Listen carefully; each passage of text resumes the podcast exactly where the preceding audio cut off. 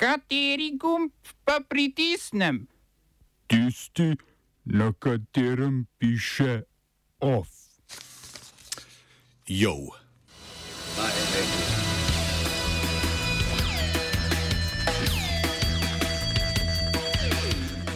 Odbor brazilskega senata priporočil sodni pregon predsednika Jaira Bolsonara. Turški parlament potrdil podaljšanje mandata za vojaško posredovanje v Iraku in Siriji. Janezu Janši sodišče naložilo opravičilo preko Tvita in 10 tisoč evrov kazni.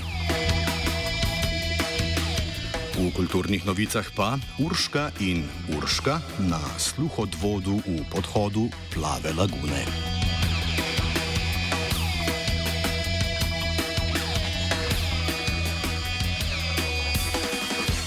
Preiskovalni odbor brazilskega senata je potrdil priporočilo naj tožilstvo vloži obtožnico zoper predsednika Jaira Bolsonara. Tega preiskava bremeni več kaznjivih dejanj v povezavi z njegovim ukrepanjem v obdobju pandemije. Predsednik je odpravljal omejitve lokalnih oblasti po lastnih besedah, da bi zaščitil gospodarstvo. Hkrati nasprotuje tudi cepljenju, o čemer priča nedavna delitev neresničnega zapisa na socialnih omrežjih, da se pri polno cepljenih osebah hitreje razvije AIDS. Najpomembnejša očitana kazniva dejanja so dvakratno kaznivo dejanje opustitve uradne dožnosti, ki je lahko podlaga za odpoklic, in zločini proti človeštvu, kar ni več v pristojnosti brazilskega sodstva, temveč mednarodnega sodišča. Odbor senata bo priporočilo posredoval vrhovnemu državnemu toživcu Augustu Arasu, ki velja za predsednikovega zaveznika, zaradi česar je že uložitev obtožnice zoper Bolsonara malo verjetna. Poleg predsednika priporočilo bremeni še nekaj drugih političnih predstavnikov, predvsem zdajšnjih in nekdanjih zaposlenih na Ministrstvu za zdravje, pa tudi guvernerja Amazonije Wilsona Limo, ki je upleten v korupcijski škandal v zvezi z nakupovanjem medicinske opreme. Privrženci predsednika priporočilo senata označujejo za še eno politično dejanje v luči prihajajočih predsedniških volitev. Razmere v Sudanu ostajajo napete po ponedeljkovem državnem udaru, ki ga je izvedla vojska. Voditelj udara in bivši predsedujoči civilno-vojaškemu svetu, general Abdel Fattah al-Burhan, je v včerajšnjem medijskem nastopu povedal, da je bila vojska primorana izvesti državni udar, da bi preprečila izbruh državljanske vojne. Vojaške sile so medtem v hišni pripor izpustile odstavljenega predsednika vlade Abdala Hamdoka. Afriška unija je Sudanu suspendirala članstvo, vse dokler vodenja države ne prevzame civilna oblast. Evropska unija in ZDA so napovedale, da bodo zamrznile državno pomoč, ki jo namenjajo Sudanu.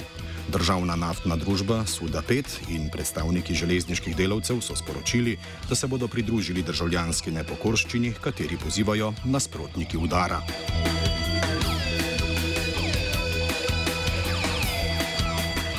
Turški parlament je potrdil podaljšanje mandata vlade za vojaško posredovanje na območju Sirije in Iraka za obdobje dveh let.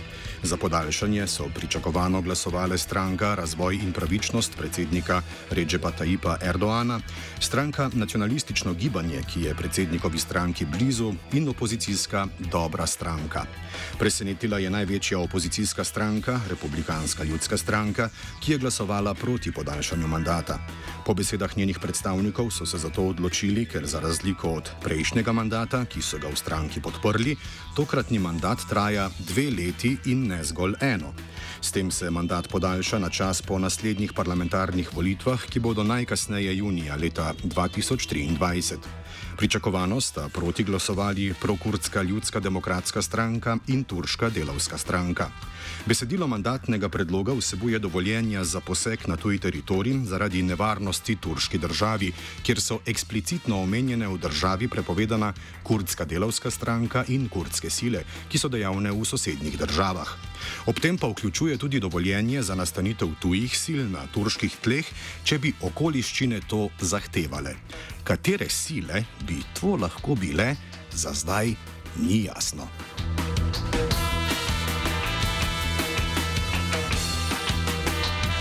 Prizivno sodišče na nizozemskem je Ukrajini podelilo lastninske pravice nad muzejsko zbirko zlatih predmetov z Krimskega polotoka.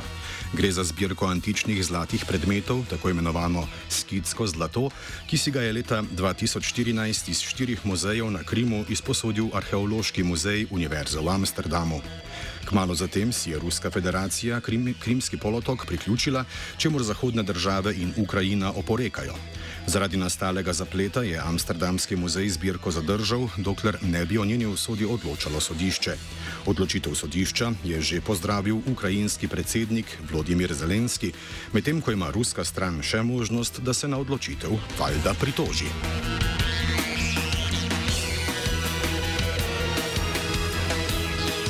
Ostajamo v bližini obale Črnega morja. Moldavija je zaradi pomankanja plina, izteka in trenutnih težav pri obnovitvi pogodbe za dobavo zemljskega plina z ruskim Gazpromom sklenila zemljski plin odkupiti od polskega državnega podjetja. Gre za prvi nakup plina, ki ne vključuje podjetij v ruski lasti, sicer tradicionalne moldavske energetske partnerice. Nakup je postal možen po razglasitvi izrednega stanja v državi. Gazprom je napovedal ustavitev dotoka plina, dokler ne bodo poplačani stari dolgovi, ki po besedah predstavnikov Gazproma znašajo dobrih 370 milijonov evrov, ter sklenjena nova pogodba. Neuradno naj bi Gazprom vladi ponujal nižje odkupne cene v zameno temu, da se Moldavija odpove reformam liberalizacije trga, ki jih bi izvedla vlada za sklenitev prostotrgovinskega sporazuma z Evropsko unijo. Vla, predsednica vlade Maja Sandu je sicer bolj naklonjena povezovanju z zahodnimi državami, a hkrati želi pragmatično doseči čim nižjo ceno energentov, ki so na trgu trenutno zelo iskani in imajo zato visoko ceno. Vladajoča hrvaška stranka HDZ je danes v državni proračun nakazala znesek v preračunani vrednosti slabih 2 milijonov evrov. Gre za denarno kazen, ki jo je stranki po pravnomočni sodbi naložilo Hrvaško vrhovno sodišče. Slednje je razsodilo, da je bila stranka upletena v škandal, znan kot Fimi Media, zaradi katerega je bil bivši predsednik stranke Ivo Sanader obsojen na zaporno kazen. Po mnenju hrvaškega politika analitika Davorja Dženera, sodba in plačilo kazni ne bosta vplivala na dogajanje na hrvaški politični sceni.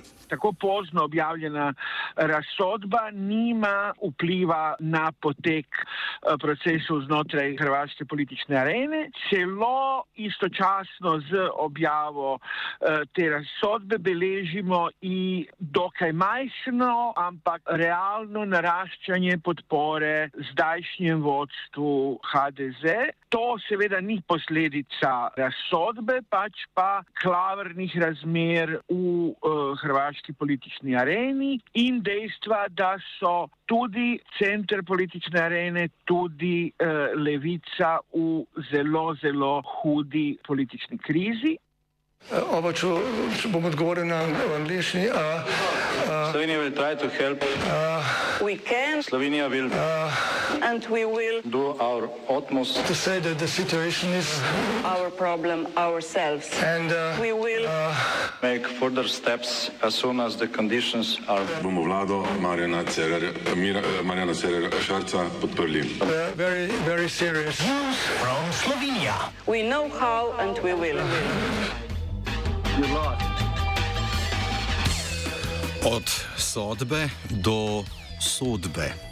Tokrat zdajšnjemu političnemu funkcionarju. Prvostopensko sodišče v Velenju je pritrdilo tožbi socialnih demokratov proti premijeju Janezu Janši. Za njegove navedbe na Twitterju, kjer je zapisal, da vila na Levstikovi ulici, sicer sedež SD, predstavlja ukradeno judovsko vilo. Poleg tega je Janši sodišče naložilo še kazen v višini 10 tisoč evrov z zakonskimi sodnimi obrestmi in poplačilo nastalih sodnih stroškov. Sodba sicer še ni pravnomočna, vendar naj bi bila pritožba možna le na uročitev sodbe. Seveda nestrpno pričakujemo premijejev tweet, ki mora vključevati, citiramo. Se opravičujem tožeči stranki, stranki SD za svoje neresnične zapise na družbenem omrežju Twitter o tem, da SD posluje iz ukradene judovske vile na Levstikovi 15 v Ljubljani. Ta vila ni bila ukradena in je SD lastništvo na njej pridobila na zakonit način. Konec citata. Kdaj lahko pričakujemo takšen premijev čivk, še ni jasno sploh. Včerajšnja parlamentarna seja je prinesla vrsto novih vprašanj. Hm, vsa opozicija je po začetnem odhodu levice zapustila dvorano. Vsa?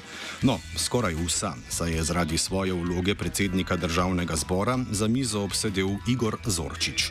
Ta je sejo tudi odvodil in si zaradi tega prislužil marsikatero kritiko na lasten račun, češ, da sodeluje s koalicijo.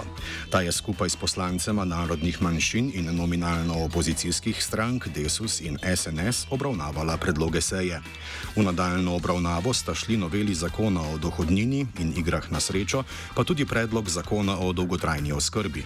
Pred skoraj na pol praznim parlamentom sta padla predlog spremembe zakona o rodarstvu, ki se nanaša tudi na prepoved frackinga in novela zakona o poslancih. Zaradi manjkajočih članov so prisotni večinsko potrdili predstavitev glasovanja o položaju ustavnega sodnika v primeru kandidata Roka Svetliča. OF je pripravil Dominik.